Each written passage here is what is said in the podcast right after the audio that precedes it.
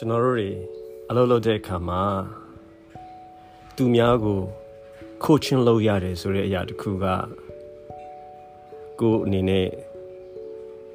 တိလို့လောက်တာပဲဖြစ်ဖြစ်မသိဘဲနဲ့မသိပါသားလေး coaching ကိုလုပ်မိတတ်ကြတယ်လုပ်ဖို့လည်းလိုအပ်တယ်ဆိုတော့ဒီလိုမျိုးလုပ်ဖို့လိုအပ်တဲ့အရာတစ်ခုကိုကျွန်တော်တို့တွေပို့ပြီးတော့အာ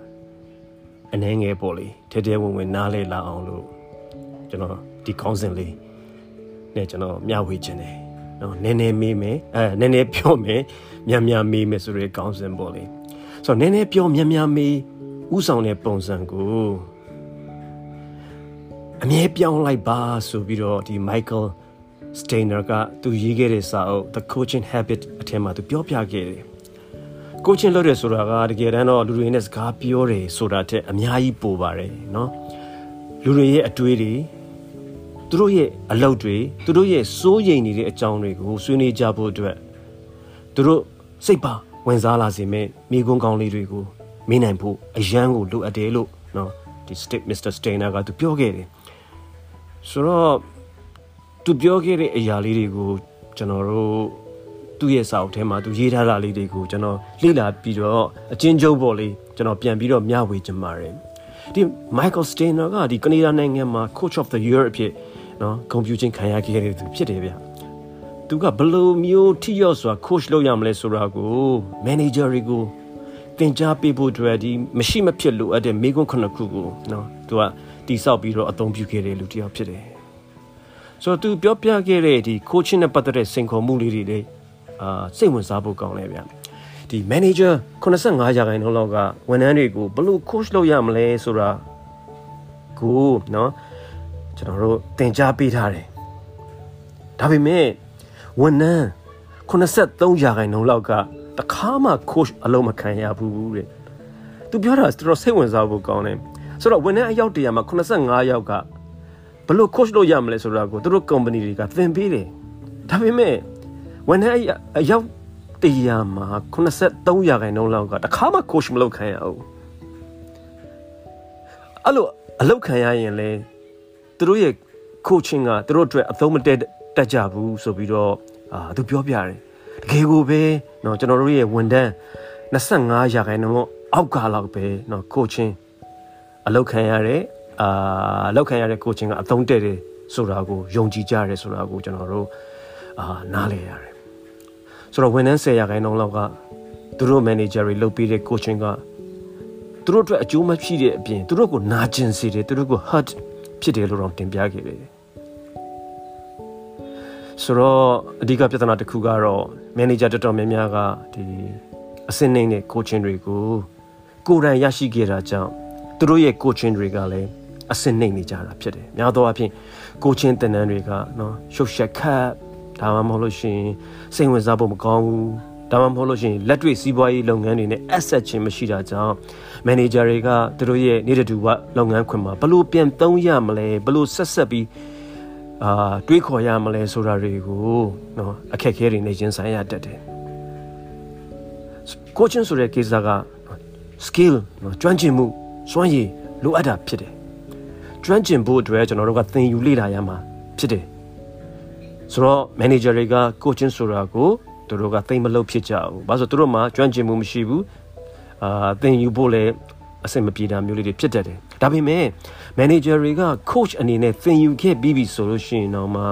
သူတို့ရဲ့နေ့စဉ်ပေါ်လေအလုပ်အရန်များတာကြောင့်ဝန်ထမ်းတွေကို coach လုပ်ဖို့ဘက်ကိုတော်ယုံတန်ယုံနဲ့သူတို့မလှည့်နိုင်ကြဘူး။အဲ့ဒါကတော့ဒီ coaching နဲ့ပတ်သက်တဲ့စိန်ခေါ်မှုပေါ့ဗျာ။နောက်တစ်ခုကじゃ coaching ကိုလူတော်တော်များများကအကြံပေးယုံတက်တက်လောက်ပဲထင်တယ်။ တကယ်တမ်းကျတော့အကြံပေးယုံတသက်က cheap ပါနော်ပေါ်ပါတယ်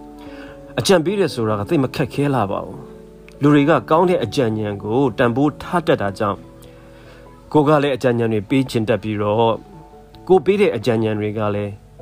နားထောင်ပေးထိုက်တယ်လို့ယူဆတတ်ကြတယ်ဒီလိုမျိုးအကြံဉာဏ်တွေပေးတာကပေးတာတွေကိုလုပ်တဲ့အခါမှာကိုချင်းလုပ်တဲ့နေရာမှာကိုကိုကိုနော် important person အရေးပါတဲ့လူအဖြစ် အထင်ရောက်စေတယ်ဒါပေမဲ့အရေးသွေးရှိတဲ့ကိုချင်းတွေကမေးသင့်မေးထိုက်တဲ့မေးခွန်းတွေကိုမေး တဲ့သူအပေါ်မှာမူတည်တတ်တာဖြစ်ပြီးတော့เนาะအကြံပေးယုံတတ်တဲ့အပေါ်မှာမူတည်တာမဟုတ်တော့ပါဘူးဆိုတော့မိကုန်းနေမေးတဲ့အခါမှာမိကုန်းမေးတဲ့သူကိုเนาะအနီရအထိုင်ရကြက်စီတတ်တယ်ကိုမိကုန်းတွေကိုမေးတဲ့အခါမှာကိုက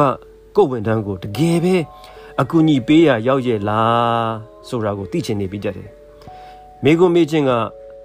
စကားပြောဆိုနေခြင်းကိုတခါခါကြလို့ရှိရင်အခုနဟာရီစဉ်းစားရတော့ကြောင့်မလို့နေသွားစေတတ်တယ်ပြီးတော့မိကွန်းမေးခြင်းပြုလုပ်တဲ့အခါကိုကအခြေအနေအပေါ်ဒါမှမဟုတ်လို့ရှိရင်စကားပြောနေတဲ့ကိစ္စအပေါ်မှာ control ပေါ်တော့ထိန်းကွနေတဲ့သူမဟုတ်နိုင်တော့ဒါကိုချင်းနဲ့ပတ်သက်တဲ့အမှန်တရားတွေပဲဆိုတော့ဒီလိုကိုချင်းနဲ့ပတ်သက်တဲ့အမှန်တရားတွေကိုစဉ်းစားလိုက်တဲ့ အခါမှာကျွန်တော်စဉ်းစားကြည့်လိုက်တဲ့အခါမှာလူတယောက်ကို coach လုပ်ဖို့ဆိုတာအချိန်သိပ်ပေးစရာမလိုပါဘူးဝန်ထမ်းတစ်ယောက်ကို10မိနစ်အတွင်း coach လုပ်နိုင်ပါတယ် coaching ဆိုတာကတစ်ခါတည်းမှာတစ်ခါတည်းမှပဲလုပ်ရတဲ့အရာမဟုတ်ပါဘူးเนาะဝန်ထမ်းတွေကို coaching လုပ်တယ်ဆိုတာကပုံမှန် daily ကိစ္စတစ်ခုဖြစ်နေအောင်လို့ကျွန်တော်တို့ဆောင်ရွက်ရမှာဖြစ်ပါတယ် လူတွေကိုနီးမှန်လက်မှန် coach လုပ်နိုင်ဖို့အတွက်နော် coaching နဲ့ပတ်သက်တဲ့ coaching habit ပေါ့လေ coaching နဲ့ပတ်သက်တဲ့အမှုချင်းတွေကိုကျွန်တော်တို့ကိုယ်တိုင်ကတည်ဆောက်ရမှာဖြစ်ပါတယ်ဆိုတော့ကိုယ့်ရဲ့ coaching နဲ့ပတ်သက်တဲ့ habit အမှုချင်းလေးတွေကိုကျွန်တော်နည်းနည်းပြောပြခြင်းတယ် coaching နဲ့ပတ်သက်တဲ့အမှုချင်းကိုကိုယ့်အနေနဲ့ရလာအောင်လုပ်မယ်ဆိုလို့ရှိရင်ကိုယ့်ကိုနော် coach တယောက်အနေနဲ့ရေရှည်ရက်တည်နိုင်စီမှာဖြစ်ပြီးတော့ကိုယ့်ကိုလုပ်ငန်းခွင်မှာနော် ဖြစ်လေရှိတယ်မန်နေဂျာတွေကိုဝင်ထုတ်ကြီးဝင်ထုတ်ပိုးเนาะဖြစ်စေတတ်တဲ့ပြဿနာတွေကိုရှောင်လွှဲနိုင်အောင်လို့အထောက်အကူဖြစ်စေမှာဖြစ်ပါတယ်အလားကတော့ပါလဲဆိုတော့အာအမီအခိုเนาะလွန်ကဲခြင်းကိုဖန်တီးခြင်းဆိုတဲ့အရာတစ်ခုเนาะကျွန်တော်တို့ခေါင်းထဲမှာထည့်ထားရမယ်ဝန်ထမ်းတွေကသူတို့အတွက်သူတို့အလုပ်ကိုလုပ်ပေးဖို့ဝန်ထမ်း တွေက manager အပေါ်မှာမိခိုတက်ကြတယ်အဲ့ဒါကအမြဲတစေကိုယ်တိုင်ဝင်ရောက်ဖြည့်ရှင်း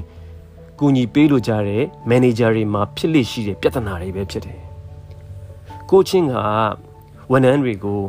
ကိုယ်အလုပ်ကိုတာဝန်ကိုယူတက်ကြဖို့လှုံ့ဆော်ပေးတတ်တယ်ဆိုတာကိုကျွန်တော်နားလည်ဖို့ဖြစ်တယ်ဆိုတော့ကျွန်တော်တို့ manager စီလုပ်တတ်တဲ့အမှုချင်းပေါ့လေနော်ကိုချင်းနဲ့ပတ်သက်တဲ့အမှုချင်းပေါ့ ကိုအောက်လင်ငယ်သားတွေအရန်ကိုပေါ်မှာမိခိုတာတွေလွန်ကဲလာအောင်ဖန်တီးတတ်တယ်အဲ့လာလေးကိုသတိထားရမယ်နောက်တစ်ခုကကြတော့အလုပ်တွေမနိုင်မနှင်းများပြားစေလာခြင်းလာစေခြင်းပေါ့လေအလုပ်များတဲ့ manager တယောက်အနေနဲ့နေ့စဉ်လုပ်စရာတွေကတောင်ပုံရပုံဖြစ်လို့နေတတ်တယ်ဆိုတော့ကို့အနေနဲ့ဝန်ထမ်းတွေကသူတို့အလုပ်တွေကို့ပခုံးပေါ်မှာလာတင်ပေးတာမျိုးကိုမလို့အဆုံးအရာပဲဖြစ်တယ်ဆိုနောက်တစ်ခုကကြတော့ဒီ အဆက်အသွယ်အပြောအဆိုပြတ်တောက်ခြင်းပေါ့လေဝန်ထမ်းတွေကသူတို့အလုပ်ပေါ်ကျွမ်းကျင်ယုံကြည်မှုနည်းလာတဲ့အခါမှာအလုပ်နဲ့ဟောစီမံကိန်းတွေကိုစိန်ခေါ်လောက်ကင်ကြဖို့ရှောင်လာတတ်ကြတယ်ကိုချင်းလှုပ်ခြင်းအပြင်ဝန်ထမ်းတွေရဲ့အခက်အခဲဆုံးအလုပ်တွေကိုနော်ရှေ့ကိုတိုးပြီးတောင်းခံလာစေဖို့အားပေးတတ်တယ်ဆိုတော့ဒါလေးတွေကကျွန်တော်တို့ကိုချင်းနဲ့ပတ်သက်တဲ့အမှုချင်းလေးတွေပေါ့လေအဲ့လောက်ကိုကျွန်တော်နားလည်ပို့လို့ရတယ် ဆိုတော့ကိုယ့်ရဲ့ကိုချင်းနဲ့ပတ်သက်တဲ့အမှုအကျင့်လေးတွေကိုပြုစုပြောထောင်ဖို့လိုအပ်တယ်နော် Duke University ကပြုလုပ်တဲ့ research အရဆိုလို့ရှိရင်လူတွေလောက်ကြတဲ့45ရာခိုင်နှုန်းကဘယ်ပုံမှမူတည်လဲဆိုတော့သူတို့ရဲ့အမှုချင်းကြောင့်ဖြစ်တယ်တဲ့နော်ထိရောက်တဲ့ manager effective ဖြစ်တဲ့ manager effective ဖြစ်တဲ့ coach တယောက်ဖြစ်လာဖို့ဆိုတာကိုယ့်အနေနဲ့ right habit ပေါ့လေမှန်ကန်တဲ့အမှုချင်းတွေကိုကျွန်တော်တိဆောက်ရမှာဖြစ်တယ် ကိုယ့်ရဲ့ coaching နဲ့ပတ်သက်တဲ့အမှုချင်းတွေကိုတိဆောက်တဲ့အခါမှာကျွန်တော်တို့အာအရာ၅ခုကိုနေရာချထားနိုင်ဖို့လိုပါတယ်အဲ့လာကတော့ပါလဲဆိုတော့ a reason เนาะကိုယ့်ရဲ့အပြုမှုတွေကိုပြောင်းပြစ်ဖို့ဆိုတာကိုလက်ခံနိုင်တဲ့အကြောင်းပြချက်ရှိဖို့လိုတယ်ဆိုတော့ reason ဆိုတာကိုကျွန်တော်တို့မှန်မှန်ကန်ကန်နေရာချနိုင်ဖို့လိုတယ်နောက်တစ်ခါ trigger နော်အပြုမှုအသစ်တွေကိုတိစောက်ဖို့ဆိုတာလက်ရှိအပြုမှုတွေကိုဖြစ်စေတဲ့အကြောင်းရင်းကိုကျွန်တော်သိမှဖြစ်ပါလိမ့်မယ် ဒါကိုတည်တည်ချာချာနားလည်ခြင်းမရှိဘူးဆိုလို့ရှိရင်တော့ဒီအရာတွေကဆက်လက်ပြီးတော့လက်ရှိအပြုအမူတွေကိုအလိုလျောက်ထပ်ပြီးဖြစ်နေစေအောင်မှာဖြစ်တယ်ဆိုတော့ဒီလိုဖြစ်စေတဲ့အရာတွေကိုတတ်နိုင်သမျှတိတိကျကျလေးကျွန်တော်တို့က identify ပေါ့လေပေါ်ထုတ်နိုင်ရမယ်ကိုယ်အနေနဲ့အပြုအမူအကျင့်လေးတွေပေါ်မှာတိတ်လက်မခံနိုင်တာတွေဖြစ်နေတယ်ဆိုလို့ရှိရင်ကျွန်တော်သတိထားရမယ်သတိထားလိုက်ရမယ်အဲ့ဒီ trigger ကိုနောက်တစ်ခုကကြတော့ဗာလဲဆိုတော့အာ micro habit လို့ခေါ်တာပေါ့ ကိုယ့်ရဲ့အမူအကျင့်အသစ်တွေကိုနော်စက္ကန့်60အတွင်းလုပ်ပြီးဖြစ်နေအောင်ပြုလုပ်ရမယ်တဲ့ဆိုလိုတာကအကျင့်သေးအမှုအကျင့်အသေးသေးလေးတွေကိုကိုကပြောင်းလိုက်တဲ့ခါမှာအဲ့ဒီဟာတွေစုပေါင်းသွားတဲ့ခါမှာအမှုအကျင့်နော် habit အကြီးဖြစ်သွားတာပေါ့လေနံပါတ်၄အရာကတော့ပါလဲဆိုတော့ effective practice လို့ခေါ်တယ်ကိုယ့်ရဲ့အမှုအကျင့်အသစ်တွေကိုအပိုင်းပိုင်းလေးတွေခွဲပြီးတစ်ခုချင်းစီကိုကျွန်တော်လေ့ကျင့်ဖို့လိုတယ်ဒီလိုလုပ်တဲ့ခါမှာနော် ထပ်တလဲလဲပြုလုပ်ခြင်းကိုတကယ်ကိုလိုအပ်တယ်လေ့ကျင့်တဲ့ခါမှာလဲမြန်မြန်လုပ်မယ်နှင်းနှင်းလုပ်မယ်နောက်ပုံစံတစ်မျိုးနဲ့လုပ်ကြည့်တာတွေကိုကျွန်တော်တို့လုပ်ကြည့်ရမယ်ဆိုတော့အမှုချင်းတစ်ကိုကျွန်တော်အမြန်လုပ်ကြည့်လိုက်မယ်ပြီးအလားလေးကိုဖြည်းဖြည်းလုပ်ကြည့်မယ်ဒီအရာကိုပဲနောက်ပုံစံတစ်မျိုးနဲ့လုပ်ကြည့်မယ်နော်အဲ့လိုလုပ်ရင်လုပ်ရင်အပြင်ဒီအမှုချင်းအသက်တွေကိုကိုယ့်ရဲ့ပုံမှန်လှုပ်ရိုးလှုပ်စဉ်တစ်ခုဖြစ်လာတဲ့အထိကျွန်တော်တို့ကထပ်တလဲလဲပြုလုပ်ရမှာဖြစ်တယ်နောက်ဆုံးအရာတစ်ခုကတော့ဘာလဲဆိုတော့ plan ပေါ့ ကိုယ့်အနေနဲ့နေ့စဉ်ပုံမှန်လှုပ်ဆောင်သွားခြင်းနဲ့အမှုချင်းအသက်တွေကိုလေ့ကျင့်ရင်းနော်အမှုအကျင့်အဟောင်းတွေကိုမတော်တဆပြန်ပြန်လုံမိသွားတဲ့အခါမှာကျွန်တော်တို့ give up မလုပ်ဖို့အရေးကြီးတယ်လက်မလျှော့လိုက်ပါနဲ့အစီအစဉ်တွေရွေးဆဲရမယ် plan တွေချရမယ်အမှုချင်းဟောင်းတွေကိုပြန်ပြန်လုပ်စီတဲ့အရာတွေကိုကျွန်တော်တို့ဖော်ထုတ်ရမယ်အမှုချင်းအသက်တွေကိုသတ်မှတ်ရမယ်ဒီလိုလှုပ်ရင်းနဲ့မှအမှုချင်းအသက်တွေ habit အသက်တွေကိုရလာဖို့အတွက်ကျွန်တော်တို့အစီအစဉ်တွေရွေးဆွဲဖြစ်မှာဖြစ်ပါတယ် အလားကကိုယ့်ရဲ့ဒီ coaching နဲ့ပတ်သက်တဲ့ habit ကိုပြုစုပြောင်းထောင်တဲ့အခါမှာနော်ထိထိရောက်ရောက်လေးလှုပ်ဆောင်ဖို့အတွက်အခုပြောပြသွားတဲ့ reason trigger micro habit effective practice plan ဒါလေးတွေကိုနေရာတကျနေရာချထားနိုင်ဖို့အရေးကြီးတယ်ဆိုတာကိုကျွန်တော်ပြောပြချင်တာဖြစ်တယ်ဆိုတော့ coaching လုပ်တဲ့အခါမှာမမေးမဖြစ်ကျွန်တော်တို့မေးရမယ်မေးခွန်းခုနှစ်ခုရှိတယ်ဗျအဲ့လားလေးကိုကျွန်တော်ပြောပြချင်တယ်ကို့အနေနဲ့ ကို coach လုပ်နေတဲ့လူတယောက်ကိုပေါ့လေဒီမမေးမဖြစ်မေးရမယ်နော် essential question လို့ခေါ်တာပေါ့မေးခွန်းခုနှစ်ခုကိုမေးတတ်လာအောင်လို့ကိုကိုကိုလေ့ကျင့်သင်ကြားခြင်းကနော်ကိုအတွက် habit တစ်ခုအနေနဲ့ဖြစ်လာမယ်ကိုအတွက်တကယ်ကိုအရေးပါတဲ့အပြုအမူတစ်ခုဖြစ်ပါတယ်ဒီမေးခွန်းတွေကိုကိုက supervise လုပ်နေရတဲ့ဝန်ထမ်းတွေအပြင်ကိုရဲ့ customers တွေ suppliers တွေကိုရဲ့ colleagues တွေကိုရဲ့ boss ဒါမှ ဒါအပြင်ပေါ်လေကိုရဲ့အိမ်တော်ဘက်ဒါမှမဟုတ်ကိုရဲ့အရွယ်ရောက်စကလေးတွေနော် teenagers အဲ့ဒီနေရာတွေမှာတော့ကျွန်တော်သုံးလို့ရတယ်ဗျဒီမေးခွန်းတွေကနော်ဝန်ထမ်းတွေတူးချင်းတွေးဆုံဆွေးနွေးတဲ့ပုံစံတွေနော်ဒါမှမဟုတ်လို့ရှိရင် business နဲ့ team meeting တွေ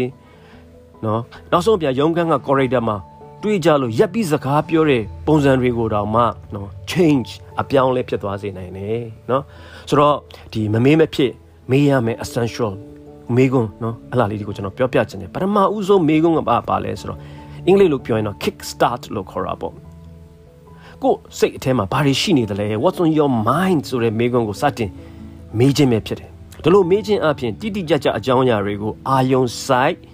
ပြောဆိုခြင်းနဲ့စကားပြောတာတွေဖြစ်ဖို့ကျွန်တော်တို့စပြီးလုံးနိုင်မှာဖြစ်တယ်ဒီလိုမေးခွန်းကကိုပြောနေတဲ့စကားဝိုင်းကိုကိုနဲ့စကားပြောတဲ့သူတတ်မှတ်လိုက်တဲ့ အရေးကြီးတဲ့အကြောင်းအရာစီကိုကျွန်တော်တို့တိုက်ရိုက်ရောက်သွားစေမှာဖြစ်တယ်ဒါကိုမေးခြင်းအပြင်စကားဝိုင်းရဲ့ direction လာရကိုဥဆောင်သူအဖြစ်နဲ့နော်အဲ့နေရာကိုရသွားစေမှာဖြစ်တယ်ဒီမေကွန်းကကိုနဲ့စကားပြောတဲ့သူအတွက်အရေးကြီးအကြောင်းအရာတွေကိုပို့ပြီးပြောချင်တယ်ဆိုတဲ့ပုံကိုလည်းပေါက်သွားစေမှာဖြစ်တယ်ဒီအဖွင့်မေကွန်းကိုမေးပြီးသွားတဲ့အခါမှာကျွန်တော်တို့ 3P model ကိုဆက်ပြီးတော့အာ တုံးပြီးတော့ဗောလေဆက်လက်ဆွေးနွေးရမယ်အဲ့ဒီ 3P ကပါလဲဆိုတော့ projects နော်ကိုယ့်ရဲ့ဝန်ထမ်းဘာတွေကိုလက်ရှိလုပ်နေတယ်လဲဆိုတာကိုဆုံးဖြတ်ဖို့ ਨੇ လက်ရှိတာဝန်ပေးထားတာတွေကိုဆုံးဖြတ်ဖို့ဖြစ်တယ်ဆိုတော့ဘာတွေကိုလုပ်နေတယ်လဲပေါ့ projects နောက်တစ်ခါကျတော့ people ဝန်ထမ်းနဲ့သူ့ရဲ့ team members တွေသူ့ရဲ့လုပ်ဖို့ခိုင်ပတ်တဲ့တခြားဌာနကလူတွေသူ့ရဲ့လူကြီးတွေသူ့ရဲ့ဖောက်တွေအကြားကဆက်ဆံရေးအခြေအနေကိုသိရှိနားလည်ဖို့ဖြစ်တယ်နော် people တတိယ P ကတော့ဘာလဲဆိုတော့ patterns ကိုဝန်ထမ်းရဲ့နော်အကျင့်ပါနေတဲ့အပြုအမူတွေကိုလေ့လာကြည့်ခြင်းအပြင်သူတို့ကိုဘယ်လိုကူညီရမလဲသူတို့အလုပ်လုပ်နေတဲ့နေရာမှာပို့ပြီးတော့ထိရောက်လာအောင်လို့ဘယ်လိုလုပ်ရမလဲဆိုတာတွေကိုကျွန်တော်တို့သိရှိလာစေနိုင်မှာဖြစ်ပါတယ်အဲ့လိုမေးတဲ့မေးခွန်းအမျိုးအစားကို kick start အာမေးခွန်းလို့ခေါ်တယ် kick start question လို့ခေါ်တယ်ဒါကပထမဦးဆုံးမေးခွန်းခုနှစ်ခုတွေကတစ်ခုပေါ့လေဒုတိယမေးခွန်းအမျိုးအစားကတော့ပါလဲဆိုတော့ the or question လို့ခေါ်တယ်နော် the or မေကွန်း and what else ဆိုတာကတော့ तू က AWE or ဆိုတာအဓိပ္ပာယ်ကတော့ဘာလဲဆိုတော့ and what else ပြီးရင်ဘာတွေထက်ရှိအောင်မလဲဆိုတဲ့သဘောမျိုးပေါ့ဗျာဆိုတော့ရာက and what else ဆိုတာကိုအတူကောက်အားဖြင့် AWE or question ဆိုကျွန်တော်တို့ကပြောချင်တာဖြစ်တယ်တခြားဘာတွေရှိသေးလဲဆိုတာကိုမေးချင်တာဖြစ်တယ်ဒီမေးခွန်းကအထီရောက်ဆုံးသော coaching question ပဲဖြစ်ပါတယ် ဒါကိုမေးခြင်းအပြင်အနေအထားတွေကိုကျွန်တော်တို့အများကြီးနားလည်သွားနိုင်မှာဖြစ်တယ်ပို့ပြီးတော့လည်းသတိထားမိလာစေမှာဖြစ်တယ်ဒါတွေကအပြန်လန်သဘောဆောင်တဲ့အသေးပဲရှိတဲ့ two way communication ကိုရရှိလာစေမှာဖြစ်တယ်ဒီ all question AWE question ကပို့ပြီးတော့ productive ဖြစ်လာအောင်လို့စကားပြောဆိုနေတာတွေကိုလမ်းကြောင်းတည့်စေလိမ့်မယ်ဝန်ထမ်းကိုလည်းနော်သူ့စိတ်ထဲမှာရှိနေတဲ့အတိုင်းပွင့်ပွင့်လင်းလင်းပြောဆိုဆွေးနွေးလာစေနိုင်မှာဖြစ်တယ်ဒီမေကွန်းကနော် ဒီ advice monster လို့ခေါ်ရဲကျွန်တော်တို့ဒီမှာအဲ့ဒီအကျင့်ရှိတယ်လေတခုခုဆိုလို့ချင်းကိုအကြံကပဲမှန်တယ်ကိုကပဲအကြံဉာဏ်တွေကြီးကိုပဲပေးခြင်းနေတယ်သူဘဝကနေပြီးတော့ဒီ advice monster ဆိုတဲ့ဘဝကနေပြီးတော့ကျွန်တော်ကြွတ်သွားမှာဖြစ်တယ်ဆိုတော့ဒီဒီကိုထိရောက်တဲ့ coaching ဒီဟာနဲ့ပတ်သက်ပြီးတော့ပေါ့လေပို့ပြီးနားလည်ဖို့တဲ့ဒီ haiku ကြပြလေးတစ်ခုရှိတယ်ဗျအဲ့ဒီကြပြလေးကနေပြီးတော့ဒီထိရောက်တဲ့ coaching ဆိုတာဘာလဲဆိုတာကိုရှင်းပြပေးမှာဖြစ်တယ် အာအဲ့ဒီ haiku ကြပြလေးကိုအင်္ဂလိပ်လိုပြောထားတာတော့ဘာလဲဆိုတော့ tell less and ask more နည်းနည်းပြောမယ်မြန်မြန်မေးမယ် your advice is not as good as you think it is မင်းရဲ့အကြံဉာဏ်နဲ့မင်းပြည့်စုံတဲ့အကြံဉာဏ်တွေကမင်းထင်တယ်လို့ကောင်းမှာမဟုတ်ပါဘူးဆိုတော့အတိပေကိုရောက်စေတဲ့ haiku ကပြားလေးပေါ့လေအလားကိုသာတေချာနားလည်မယ်ဆိုလို့ရှိရင်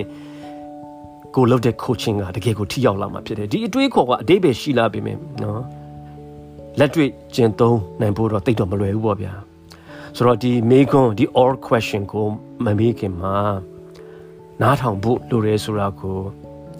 အာဒီ or question က AWE question က and what else ဆိုတဲ့ question ကကို့အနေနဲ့သူသူများကိုမမေးခင်မှာအရင်ဆုံးဘာလုပ်တင်လဲနားထောင်တင်တယ်ဆိုတာကိုကျွန်တော်တို့ကိုအမှတ်ရစေမှာဖြစ်ပါတယ်ဒါကနံပါတ်1 နော် essential question ပေါ့လေနံပါတ်3 essential question ကိုလည်းကျွန်တော်ပြောပြချင်တယ်အလားကတော့ဘာလဲဆိုတော့ the focus question လို့ခေါ်တယ် focus ဒီနေရာမှာမင်းဘယ်အရာတွေကမင်းကိုဘယ်အရာတွေကတကယ်စိန်ခေါ်နေတာလဲဒီနေရာမှာမင်းကိုဘယ်အရာတွေကတကယ်ကိုပဲအခက်အခဲဖြစ်စေနေတာလဲ What's the real challenge you here for you ဆိုတဲ့မိကုံပေါ့လေ What's the real challenge here for you အဲ့ဒီမိကုံကိုကျွန်တော်တို့မေးဖို့လိုအပ်တယ်ဒီမိကုံကတကယ်ပြဿနာအရင်းမြစ်ကိုနားလည်ခွင့်ရရှိစေမှာဖြစ်ပါတယ်ကိုယ်ဝန်ထမ်းပြောတဲ့ပထမပြဿနာထက်ပိုပြီးတော့မြင်လာနိုင်စေမှာဖြစ်ပါတယ်မန်နေဂျာအများစုကပြဿနာတစ်ခုတက်လာပြီဆိုတော့ ਨੇ ဖြေရှင်းနိုင်ဖို့ပဲကြိုးစားကြတယ်ဒါလို့အလုံးမဲ့စာ advice ကြီးပဲပေးခြင်းနေလုံးနဲ့ကိုယ့်ရဲ့စိတ်ကို short ချပြီးတော့လူတွေကိုသူတို့လမ်းကြောင်းသူတို့ရှာဖွေတွေ့ရှိနိုင်အောင်လို့အကူအညီပေးဖို့လိုပါတယ် လူတွေပထမအုပ်ဆုံး identify လုပ်တဲ့ပြဿနာကများသောအားဖြင့်တကယ့်ပြဿနာတွေနဲ့သိပြီးမဆိုင်နေတတ်တာကိုကျွန်တော်တို့တွေ့လာရတတ်ပါတယ်ဒါကြောင့်အကြံပေးတာတွေပြဿနာအဖြေเนาะ solution ရှာပေးတာတွေကိုမလုပ်သေးဘဲနဲ့ဒီ focus question ကိုအရင်ဆုံးမေးဖို့လိုပါတယ် What's the real challenge here for you ပေါ့လေမင်းအတွက်တကယ်ရင်ဆိုင်နေရတဲ့ပြဿနာကဘာလဲเนาะအလားကိုမေးဖို့လိုတယ် ကိုယ်ဝန်တန်းရင်ဆိုင်နေရတဲ့စိန်ခေါ်မှုတွေအများကြီးကိုပို့ပြီးတော့နားလည်ခွင့်ရလာမှာဖြစ်ပြီးတော့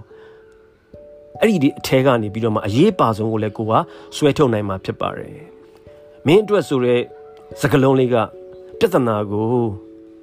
သူ့ကိုယ်ပိုင်ဖြစ်သားစေမှာဖြစ်တယ်။ဘယ်အရာတွေကအရင်ဆုံးဦးစားပေးလုပ်ရမလဲဆိုတာတွေကိုဝန်ထမ်းကိုတာဝန်ယူသွားစေမှာဖြစ်ပါတယ်။ဆိုတော့ဒါကနံပါတ်3 essential question မှာ the focus question နံပါတ်4 question ကတော့ဘာလဲဆိုတော့ the foundation question လို့လည်းပြောလို့ရတယ်။သင်ဘာလို့ချင်နေတာလဲမင်းဘာလို့ချင်နေတာလဲ what do you want ဆိုတဲ့မိကုံပဲဖြစ်ပါတယ်။အဲ့ဒီမိကုံကိုကျွန်တော်မေးရမှာဖြစ်တယ်။ခုနကပြောတဲ့ focus question လို့ပဲအဓိကကြတယ်ဒီမေးခွန်းရဲ့တွဲဖက်မေးခွန်းလို့တော့ပြောလို့ရတယ်ဒါပေမဲ့သင်ပါကိုလိုချင်နေတာလေ what နော် but what do you really want ဆိုတဲ့မေးခွန်းပေါ့လေတကယ်စိန်ခေါ်မှုပြဿနာတွေကိုသိခွင့်ရစေလာမှာဖြစ်တယ် ဒါကိုနော် goldfish question လို့ကျွန်တော်တို့စဉ်းစားကြည့်လို့ရတယ်ရွှေငါးမေကွန်းပေါ့လေပမာလို့ပြောမယ်ဆိုလို့ရှိရင်ရွှေငါးတွေကမျက်လုံးပြူးပြူးတွေနဲ့မျက်လုံးပြူးပြူးတွေနဲ့ပါဇက်ကိုပိတ်လိုက်ဖွင့်လိုက်ပိတ်လိုက်ဖွင့်လိုက်လုပ်နေကြတယ်လို့မျိုးပဲဒီမေကွန်းကလူတွေကိုမျက်လုံးနဲ့တင့်ကိုစိုက်ကြည့်နေပြီးတော့ပါဇက်ကအသံမထွက်နိုင်ပဲပွားစီပွားစီဖြစ်စေနေမယ်မိကုံမျိုးဖြစ်တယ်ဒီမိကုံကဝန်ထမ်းတွေကိုဖြေရခက်စေနိုင်ပါတယ် ဒီ foundation question ကလူတွေဘာတွေကိုလိုချင်နေတယ်လဲဆိုတာကိုစကားပြောနေကြတဲ့လူတိုင်းသိပါတယ်ဆိုတော့စိတ်လှည့်ဖျားမှုကိုထိတ်တိုက်တွေ့စေမှာဖြစ်တယ်ကိုနဲ့ကိုဝန်ထမ်းဟာလိုချင်နေတာတွေကိုဖော်ပြနေတဲ့လိုအပ်နေတာတွေကိုကျွန်တော်တို့ပို့ပြီးတော့ဆုံးဖြတ်နိုင်ရမှာဖြစ်ပါတယ်ဥပမာအလုပ်သမားတယောက်ဟာတရက်လောက်အလုပ်ကနေစောပြန်ခြင်းနေပါလိမ့်မယ်ဒီအချိန်မှာ ဘာလို့စောပြန်ဖို့အရေးကြီးနေတာလဲဆိုတာကိုသိအောင်လုပ်ရမှာဖြစ်တယ်လိုအပ်ချက်ကိုသိတဲ့အခါမှာလိုချင်နေတာတွေကိုဘယ်လိုရင်ဆိုင်ရမလဲဆိုတာကိုကျွန်တော်တို့ပို့ပြီးတော့သိလာမှာဖြစ်တယ်ဒါက number 4 essential question မှာ the foundation question လို့ခေါ်ပါတယ်နံပါတ်5 essential question ကတော့ပါလဲဆိုတော့ the lazy question လို့ခေါ်တယ် how can i help ဘယ်လိုကူညီပေးရမလဲဆိုတာကိုကျွန်တော်တို့မေးတာကိုဆိုလိုတာဖြစ်တယ်ဒီမေကွန်းကအချိန်တွေကိုအတော်လေးအကုန်တတ်တာစီမှာဖြစ်တယ် ရှိရှိဝေးဝေးတွေပြောဆိုဆွေးနွေးရတာတွေကိုရှော့ချသွားစေမှာဖြစ်တယ်ဒါလို့မေးလိုက်တဲ့အခါမှာကိုယ်ဝန်ထမ်းအနေနဲ့သူတို့အတွက်အရေးပါဆုံးတွေကိုစဉ်းစားပြီးတော့လိုတာတွေကိုသိစီကနေတိုက်ရိုက်တောင်းဆိုလာမှာဖြစ်တယ်ဒီ lazy question ကကိုယ့်ရဲ့အခြေအနေကိုအသေးချာနားမလည်နိုင်သေးဘဲနဲ့ချက်ချင်းလက်ငင်းကြီးတစ်ခုခုကိုအလုံး30ထလုပ်လိုက်တာတွေကိုတားဆီးနိုင်လိမ့်မယ်ဒီမေကွန်းမှာစကလုံးစီတာကထိရောက်မှုအတွက်တတ်တတ်ဟာထိရောက်မှုအတွက်အသက်ဖြစ်တယ်ပေါ့လေတူပြက်နော်တူပြက် တူတူနဲ့အာပြက်ပြက်သားသားနော်တိုက်ရိုက်ကြလုံးနဲ့ပုံစံကတော့မင်းငါစီကနေဘာလို့ချင်တာလဲ what do you want from me ဆိုတဲ့မေကွန်းပေါ့လေဒီလိုမျိုးတိုက်ရိုက်ဆန်လုံးနဲ့ပုံနဲ့မေးချင်ပြီးဆိုရင်ငါမသိလို့မေးချင်တယ်ဆိုတော့ out of curiosity ဒါမှမဟုတ်လို့ရှိရင်ငါသိဖို့အတွက်ဆိုတော့ just so i know ဒါမှမဟုတ်ငါအနေနဲ့ပိုပြီးနားလည်လာနိုင်အောင်လို့ to help me understand better ဒါမှမဟုတ်ငါအနေနဲ့ပိုပြီးရှင်းရှင်းလင်းလင်းသိသွားအောင် to make sure that i am clear ဆိုတဲ့စကားလေးတွေခံပေးဖို့เนาะခံပြီးမေးဖို့ပိုကောင်းတယ်ပေါ့လေနော်ခုနလိုမျိုးဘာကူရမလဲဆိုတာကိုကိုကတိုက်ရိုက်ကြီးမမေးသေးပဲနဲ့သူရှိမှခုနပြောတဲ့အရာမျိုးလေးတွေခံပြီးတော့မေးလိုက်တဲ့အခါအာအမေခံရတဲ့လူတွေနည်းနည်းတောက်တောက်ရင်မဖြစ်တော့ဘူးပေါ့ဗျာအလားကိုကျွန်တော်တို့ကဘာလို့ခေါ်လဲဆိုတော့ the lazy question လို့ခေါ်တယ်နံပါတ်5 essential question ပေါ့လေနံပါတ်6 essential question ကတော့ပါလဲဆိုတော့ the strategic question လို့ခေါ်တယ် မင်းဒါကိုဟုတ်တယ်လို့လက်ခံမယ်ဆိုရင်မင်းမလက်ခံနိုင်မှာတွေကဘာတွေဖြစ်မလဲအဲအဲ့လိုမျိုးပမာလို့အဓိပ္ပာယ်ရတယ် if you are saying yes to this what are you saying no to ဆိုတဲ့မိကုံးကိုမေးတာမျိုးပေါ့ဗျာဒီမိကုံးကနည်းနည်းတော့ရှုပ်စေတယ်ဒီမိကုံးကကိုယ်ဝန်ထမ်းလက်ခံနိုင်တဲ့အရာတွေပေါ်မှာသူတို့ကိုပို့ပြီးတော့ဆွဲမြဲစေပါတယ်နော်ဒီလိုလုပ်ခြင်းအပြင်သူတို့ရဲ့ပေးတက်လွန်တဲ့စင်ကြေတစ်ခုဖြစ်တဲ့ ငါဒါတွေကိုလုပ်မယ်လို့မပြောခဲ့ဘူးလေဆိုတာကိုပို့ပြီးတော့ပြောလွင်ပေါ်လွင်စေတယ်ပေါ့လေဒီ strategic question ကဝန်ထမ်းတွေကိုသူတို့ရဲ့ရွေးချယ်မှုရဲ့နော် consequences နောက်ဆက်တွဲရလဒ်တွေကိုစင်ကြင်မိစေနိုင်ပါတယ်ပြီးတော့သူတို့လက်မခံတဲ့အရာတွေနဲ့အကန့်အသတ်တွေကိုလည်းကျွန်တော်တို့ clarify ပေါ့လေရှင်းလင်းသတ်မှတ်နိုင်စေမှာဖြစ်တယ်ဒီမှာလည်းတစ်ခါ 3P model เนาะ project people patterns အလားကိုကျွန်တော်သုံးရမှာဖြစ်တယ်ဘာ project တွေကိုနောက်ဆုံးရက်ဆိုင်လိုက်ရမလဲ ဘသူတွေနော် people ပေါ့လေဘသူတွေနဲ့ဆက်သွင်းနေတာကိုဆက်လုပ်ရမလဲဘယ်အရာတွေကိုဆက်လုပ်ရမလဲဘယ်အရာတွေကိုရက်လိုက်ရမလဲဆိုတဲ့ pattern နော် project people pattern ကိုကျွန်တော်တို့သုံးလို့ရတယ်ဒီမေးခွန်းကိုကျွန်တော်တို့ကဘာလို့ခေါ်လဲဆိုတော့ strategic question လို့ခေါ်တယ်နောက်ဆုံးမေးခွန်းတစ်ခုကတော့ဘာလဲဆိုတော့ the learning question လို့ခေါ်တယ်မင်းအတွက်ဘာတွေကအသုံးကျဆုံးလဲ what was what was most useful for you ဆိုတဲ့မေးခွန်းပေါ့လေ အစကနကူရောကကျွန်တော်တို့ဒီ kick start question နဲ့စခဲ့တယ်လို့ပဲဒီ learning question က coaching တခုရဲ့အဆုံးနဲ့ဖြစ်တယ်ဒီမေကွန်းကလူတိုင်းကိုသူတို့လုပ်ခဲ့တဲ့ meeting session တွေကပို့ပြီးတော့အတိတ်ပဲရှိတယ်ဆိုတာကိုအာမခံချက်တော့ရစေမှာဖြစ်တယ်ဒီမေကွန်းကိုမေးခြင်းအပြင်ဝန်ထမ်းတွေကိုတန်ဖိုးရှိတဲ့ learning moment အလားကိုရစေမှာဖြစ်တယ်ဝန်ထမ်းတွေကိုခဏရက်မယ်တွေးမယ်နော်ခဏရက်စေမယ်တွေးစေမယ်ပြီးတော့ ပြောခဲ့တဲ့စကားတွေတဲကအရေးကြီးတဲ့အချက်လက်တွေကိုပြန်ပြီးတော့နော် attention ပေါ့လေဂရုပြုမိစေမှာဖြစ်ပါတယ်အလားကအာဒီ ဒီ essential မိကုန်းခုနှစ်ခုမြောက်ပေါ့လေဆိုတော့ essential မိကုန်းတွေကိုပြန်ပြီးကြည့်မယ်ဆိုရင်ကျွန်တော်ပြောခဲ့တဲ့ထဲမှာ kick start เนาะ question လို့ခေါ်ရဲเนาะ what's on your mind မင်းစိတ်ထဲမှာဘာတွေရှိနေလဲဆိုတာကို maybe ဖွင့်မေးတာပြီးရင် all question လို့ခေါ်ရဲ what else เนาะတခြားဘာတွေရှိသေးလဲဆိုတော့မေကွန်းပြီးရင် focus question လို့ခေါ်ရဲ မင်းဒီနေရာမှာတကယ်ရင်ဆိုင်နေရတဲ့အခက်အခဲပြဿနာစိန်ခေါ်မှုတွေကဘာတွေလဲဆိုပြီးတော့မေးတဲ့မေကွန်းမျိုးနော် foundation question number 4ကပါလဲဆိုတော့ what do you want မင်းဘာကိုလိုချင်နေတာလဲဆိုတဲ့မေကွန်းမျိုးနော် the lazy question ကကြတော့ငါမင်းကိုဘယ်လိုအကူအညီပေးရမလဲ how can i help ဆိုတဲ့အာသူကိုစီကလိုချင်တာကိုတိုက်ရိုက်မေးချင်လာအောင်လို့နော်ကန့်လန့်တဲ့မေးခွန်းမျိုးနံပါတ်6ကကျတော့ strategic question လို့ခေါ်တယ် ဆိုတော့မင်းဒါကိုလက်ခံတယ်ဆိုလို့ရှိရင်မင်းဘယ်အရာတွေကိုလက်မခံဘူးလဲဆိုတာမျိုးကိုမေးတယ်မေးခွန်းပေါ့လေနော် if you are saying yes to this what are you saying no to ဆိုပြီးတော့မေးတယ်မေးခွန်းပေါ့လေနောက်ဆုံးမေးခွန်းကတော့ပါလဲဆိုတော့ learning question နော်အခုပြောခဲ့တဲ့အထက်မှာဆွေးနွေးခဲ့တဲ့အရာတွေထဲမှာမင်းအတွက်ဘာကအသုံးကျဆုံးလဲဆိုပြီးတော့အပိတ်မေးခွန်းလေးမေးလိုက်တဲ့အခါမှာသူမေးခွန်းလေးကိုပြန်ပြီးတော့သူဆွေးနွေးခဲ့တဲ့အရာတွေကိုပြန်ပြီးတော့သူရဲ့ key learning point တွေကိုသူပြန်ရစေတယ်ပေါ့လေ ဆိုတော့ဒီမေးခွန်းခုနှစ်ခုကတော့ coaching လုပ်တဲ့အခါမှာမမေးမဖြစ်တကယ်ကိုမေးတဲ့မေးခွန်းဖြစ်တယ်နော်ဆိုတော့ကိုယ့်အနေနဲ့ coaching လုပ်တဲ့အခါမှာလူတွေနဲ့စကားပြောတဲ့အခါမှာပို့ပြီးကောင်းမွန်အောင်ပေါ့လေကိုဘာလေးတွေလုပ်တင်တယ်လဲနော်အဲ့လားလေးကိုပြောပြချင်တယ်ပုံမှန်အဖြစ် manager တွေကသူတို့ရဲ့ဝန်ထမ်းတွေပြောဆိုကြတာတွေမှာလိုတာထက်ပိုနေတဲ့အသေးစိတ်တွေပါတတ်တယ်ဗျမကြာခဏလို့ဆိုတယ်လို့ပေါ့လေမသိလျော်တဲ့အချို့အရာတွေပေါ်မှာဒီလက်ခံရက်တီလိုက်ကြတာလေးတွေရှိတတ်တယ် ဆိုတော့လမ်းကြောင်းတွေကိုသူတို့အလွယ်တကူပြောင်းလိုက်တတ်ကြတယ်ဒီခါမှာလမ်းကြောင်းပြန်တဲ့ဖို့ကခတ်သွားတယ်ဗျဒီလိုမျိုးပြောဆိုကြတာတွေကဘဲမှနော်အရာမရောက်ဘဲနဲ့ပြောတဲ့လူတွေအားလုံးကိုစိတ်ပင်ပန်းစေတယ်ဆိုတော့အရေးသွေးရှိတဲ့ coaching တွေကဒီလိုအလုံးမဖြစ်တဲ့နော်ကိုယ့်အတွက်ဟိုအတော့မတည့်တဲ့စကားပြောဆိုမှုတွေကိုဖယ်ရှားလိုက်နိုင်မှာဖြစ်တယ်ဒီဒီ quality coaching ကပေါ့ဒါကြောင့်အခု ပြောခဲ့တဲ့နော်မမေးမဖြစ်မေးရမယ်မေးခွန်းခုနှစ်ခုကိုကိုယ့်ရဲ့ coaching habit တစ်ခုအနေနဲ့ဖြစ်စေမယ်နော်ထားရှိမယ်ဆိုလို့ရှိရင်နည်းနည်းလို့နည်းနည်းပြောပြီးများများထိရောက်မှုကိုရရှိစေနိုင်ပါလိမ့်မယ်ဒီလိုကိုယ့်ရဲ့ coaching habit တွေကိုပို့ပြီးတော့ကောင်းမွန်တိုးတက်လာစေတာနဲ့အမျှပေါ့လေကိုယ့်အတွက်သင့်လျော်တဲ့မိကွန်းပုံစံတွေကိုလည်းပို့ပြီးတော့အာမွေးထုတ်လာနိုင်မှာဖြစ်တယ် နော် effective coach ထိရောက်တဲ့ coach တယောက်ဖြစ်လာဖို့အတွက်ကိုယ်မှာသိလို့စိတ်တွေကပြင်းပြနေဖို့လိုတယ်လူတွေကိုအလွယ်တကူအကြံဉာဏ်တွေကိုပေါ်ပေါ်လောလောပြတတ်တဲ့ဘဝကနေပြီးတော့ကင်းလွတ်လာစေမှာဖြစ်ပါတယ်မန်နေဂျာတယောက်အနေနဲ့ coach တယောက်အနေနဲ့ကိုအမြဲအဆင်ပြေဆုံး၃လေး၃ထားရှိတဲ့လူတယောက်ချင်းလိုက်ပေါ့လေ unique ပုံစံအတိမတ်ပြုပြီးတော့ထူးခြားတဲ့ပုံစံကိုအတိမတ်ပြုပြီးတော့သင်ယူနိုင်ဖို့လိုအပ်ပါတယ်เนาะဆိုတော့အခုကျွန်တော်ပြောခဲ့တဲ့အရာလေးတွေအားလုံးက ဒီ coach တယောက်အတွက်အရင်အရေးကြီးတယ်เนาะအကြောင်းအရာပေါ်လေး coaching လုပ်တဲ့အခါမှာဘယ်လိုစိန်ခေါ်မှုမျိုးလေးတွေကျွန်တော်တို့ရှိတတ်တယ်လဲ coaching လုပ်တဲ့အခါမှာဒီ advice monster လို့ခေါ်တဲ့လူတွေကိုအကြံပေးခြင်းတဲ့စိတ်ကိုကျွန်တော်တို့သတိထားရမယ်အထူးသဖြင့် coach လုပ်တဲ့အခါမှာရှိသင့်ရှိထိုက်တဲ့အမှုချင်းလေးတွေကိုကျွန်တော်တို့နားလည်ရမယ်ပိုကောင်းတဲ့အပြုမူအမှုချင်း habit coaching habit လေးတွေကိုပြုစုပြောင်းထောင်ရမယ်ပြီးရင် coaching လုပ်တဲ့ခါမှာမဖြစ်မနေမေးရမယ်မေးခွန်းခုနှစ်ခုကိုလေ့ကျင့်ပြီးတော့နော် ကျွမ်းကျင်လာအောင်လို့ကိုယ့်ရဲ့ coaching habit ခုအနေနဲ့ဖြစ်လာအောင်လို့တည်ဆောက်ရမယ်အဲ့လိုလုပ်မယ်ဆိုလို့ရှိရင်တကယ်ကိုပဲထိရောက်တဲ့ coach တစ်ယောက်ဖြစ်လာမယ်နော်အခုကျွန်တော်ပြောပြခဲ့တာတွေက Michael Steiner သူရေးခဲ့တဲ့ coaching habit ဆိုတဲ့စာအုပ်လေးတွေကသူရှင်းပြခဲ့တာတွေဖြစ်ပါတယ်เนาะအခုကျွန်တော်ပြောတာလေးတွေကိုနားထောင်ပြီးတော့အာတခုခုเนาะတိဆောက်เสียရသွားမယ်လို့ကျွန်တော်မျှော်လင့်ပါတယ်ကျေးဇူးတင်ပါတယ်